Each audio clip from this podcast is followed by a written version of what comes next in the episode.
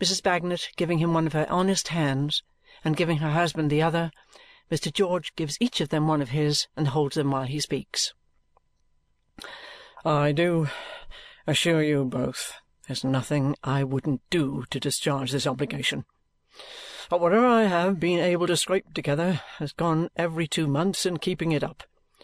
We have lived plainly enough here, Phil and I, but the gallery don't quite do what was expected of it. And it's not, in short, it's not the Mint. It was wrong in me to take it. Well, so it was. But I was in a manner drawn into that step, and I thought it might steady me and set me up. And you'll try to overlook my having such expectations, and upon my soul I am very much obliged to you, and very much ashamed of myself. With these concluding words, Mr. George gives a shake to each of the hands he holds, and relinquishing them, backs a pace or two in a broad-chested, upright attitude, as if he had made a final confession and were immediately going to be shot with all military honours. "George, hear me out," says Mr. Bagnet, glancing at his wife. "Old girl, go on." Mr. Bagnet, being in this singular manner heard out, has merely to observe that the letter must be attended to without any delay, that it is advisable that George and he should immediately wait on Mr. Smallweed in person, and that the primary object is to save and hold harmless Mr. Bagnet, who had none of the money. Mr. George, entirely assenting, puts on his hat and prepares to march with Mr. Bagnet to the enemy's camp. "Don't you mind a woman's hasty word, George," says Mrs. Bagnet, patting him on the shoulder. "I trust my old Lignum to you, and I am sure you will bring him through it." The trooper returns that this is kindly said and that he will bring Lignum through it somehow. Upon which Mrs. Bagnet, with her cloak, basket, and umbrella, goes home, bright-eyed again, to the rest of her family, and the comrades sally forth on the hopeful errand of mollifying Mr. Smallweed. Whether there are two people in England less likely to come satisfactorily out of any negotiation with Mr. Smallweed than Mr. George and Mr. Matthew Bagnet may be very reasonably questioned. Also, notwithstanding their martial appearance, broad square shoulders, and heavy tread, whether there are, within the same limits, two more simple and unaccustomed children in all the small weedy affairs of life. As they proceed with great gravity through the streets towards the region of Mount Pleasant, Mr. Bagnet, observing his companion to be thoughtful, considered it a friendly part to refer to Mrs. Bagnet's late sally. "George, you know the old girl. She's as sweet and as mild as milk. But touch her on the children, or myself, and she's off like gunpowder." "It does her credit, Mat." "George," says Mr. Bagnet, looking straight before him, "the old girl can't do anything that don't do her credit. More or less I never say so discipline must be maintained." "She is worth her weight in gold," says the trooper. "In gold?" Says Mr. Bagnet. "I'll tell you what. The old girl's weight is twelve stone six. Would I take that weight in any metal for the old girl? No. Why not? because the old girl's metal is far more precious than the preciousest metal, and she's all metal. You're right, Mat. When she took me and accepted of the ring, she listed under me and the children, heart and head for life.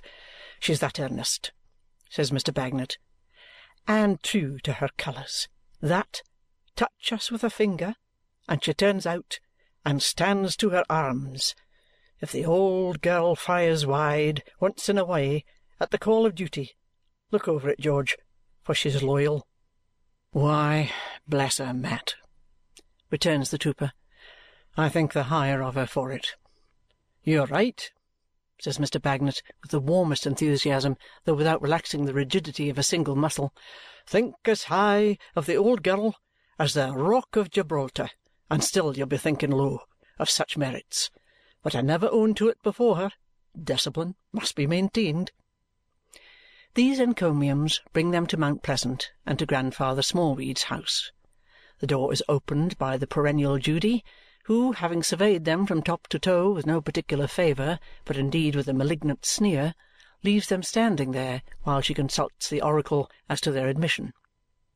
The oracle may be inferred to give consent from the circumstance of her returning with the words on her honey lips that they can come in if they want to. Thus privileged, they come in and find Mr. Smallweed with his feet in the drawer of his chair, as if it were a paper foot-bath, and Mrs. Smallweed obscured with a cushion like a bird that is not to sing. My dear friend, says Grandfather Smallweed, with those two lean affectionate arms of his stretched forth, how-de-do, how-de-do. Who is our friend, my dear friend? Why, this, returns George, not able to be very conciliatory at first, is Matthew Bagnet, who has obliged me in that matter of ours, you know. Ah, Oh, Mr. Bagnet, surely. The old man looks at him under his hand. Hope you're well, Mr. Bagnet. Fine man, Mr. George. Military air, sir. No chairs being offered, Mr. George brings one forward for Bagnet and one for himself. They sit down. Mr. Bagnet, as if he had no power of bending himself except to the hips for that purpose.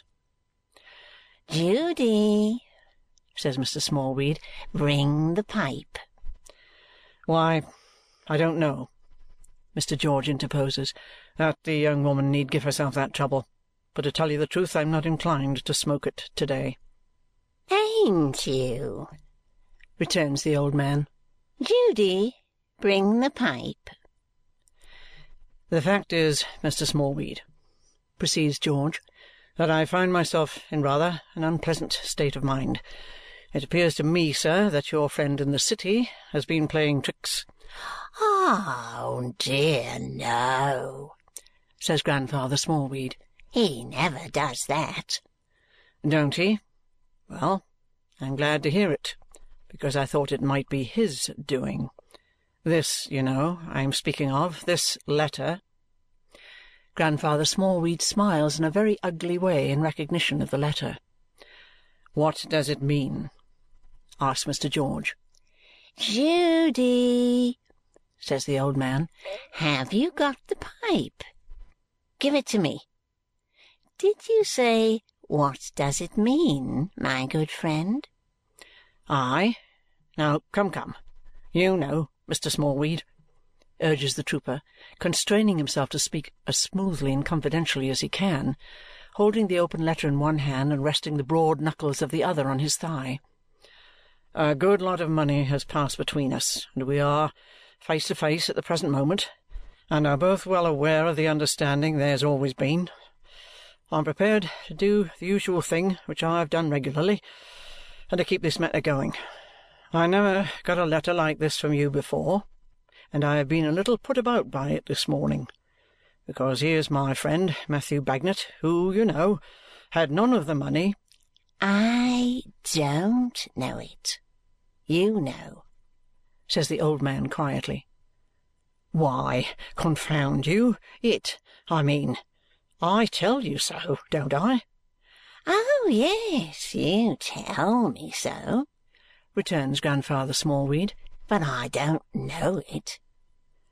Well, says the trooper, swallowing his fire, I know it. Mr. Smallweed replies with excellent temper, Ah, that's quite another thing, and adds, But it don't matter. Mr. Bagnet's situation is all one, whether or no. The unfortunate George makes a great effort to arrange the affair comfortably and to propitiate Mr. Smallweed by taking him upon his own terms. That's just what I mean. As you say, Mr. Smallweed, Here's Matthew Bagnet, liable to be fixed whether or no. Now, you see, that makes his good lady very uneasy in her mind, and me too, for whereas I'm a harum-scarum sort of a good-for-naught that more kicks than halfpence come natural to, why, he's a steady family man, don't you see? Now, Mr. Smallweed, says the trooper, gaining confidence as he proceeds in his soldierly mode of doing business, although you and I are good friends enough in a certain sort of way. I am well aware that I can't ask you to let my friend Bagnet off entirely." "Oh, dear, you are too modest," You can ask me anything, Mr. George. There is an ogreish kind of jocularity in Grandfather Smallweed to-day. And you can refuse, you mean, eh? Or not you so much, perhaps, as your friend in the city. echoes Grandfather Smallweed in such a very hard manner and with eyes so particularly green that Mr. Bagnet's natural gravity is much deepened by the contemplation of that venerable man. Come, says the sanguine George, I am glad to find we can be pleasant, because I want to arrange this pleasantly Here's my friend Bagnet, and here am I. We'll settle the matter on the spot, if you please, Mr. Smallweed, in the usual way. And you'll ease my friend Bagnet's mind and his family's mind a good deal if you'll just mention to him what our understanding is. Here some shrill spectre cries out in a mocking manner, Oh, good gracious, oh! Unless indeed it be the sportive Judy, who is found to be silent when the startled visitors look round, but whose chin has received a recent toss expressive of derision and contempt. Mr. Bagnet's gravity becomes yet more profound. But I think you asked me, Mr. George. Old Smallweed, who all this time has had the pipe in his hand, is the speaker now. I think you asked me, what did the letter mean? Why, yes, I did, returns the trooper in his off-hand way. But I don't care to know particularly if it's all correct and pleasant. Mr. Smallweed, purposely balking himself in an aim at the trooper's head, throws the pipe on the ground and breaks it to pieces. That's what it means, my dear friend. I'll smash you. I'll crumble you. I'll powder you. Go to the devil.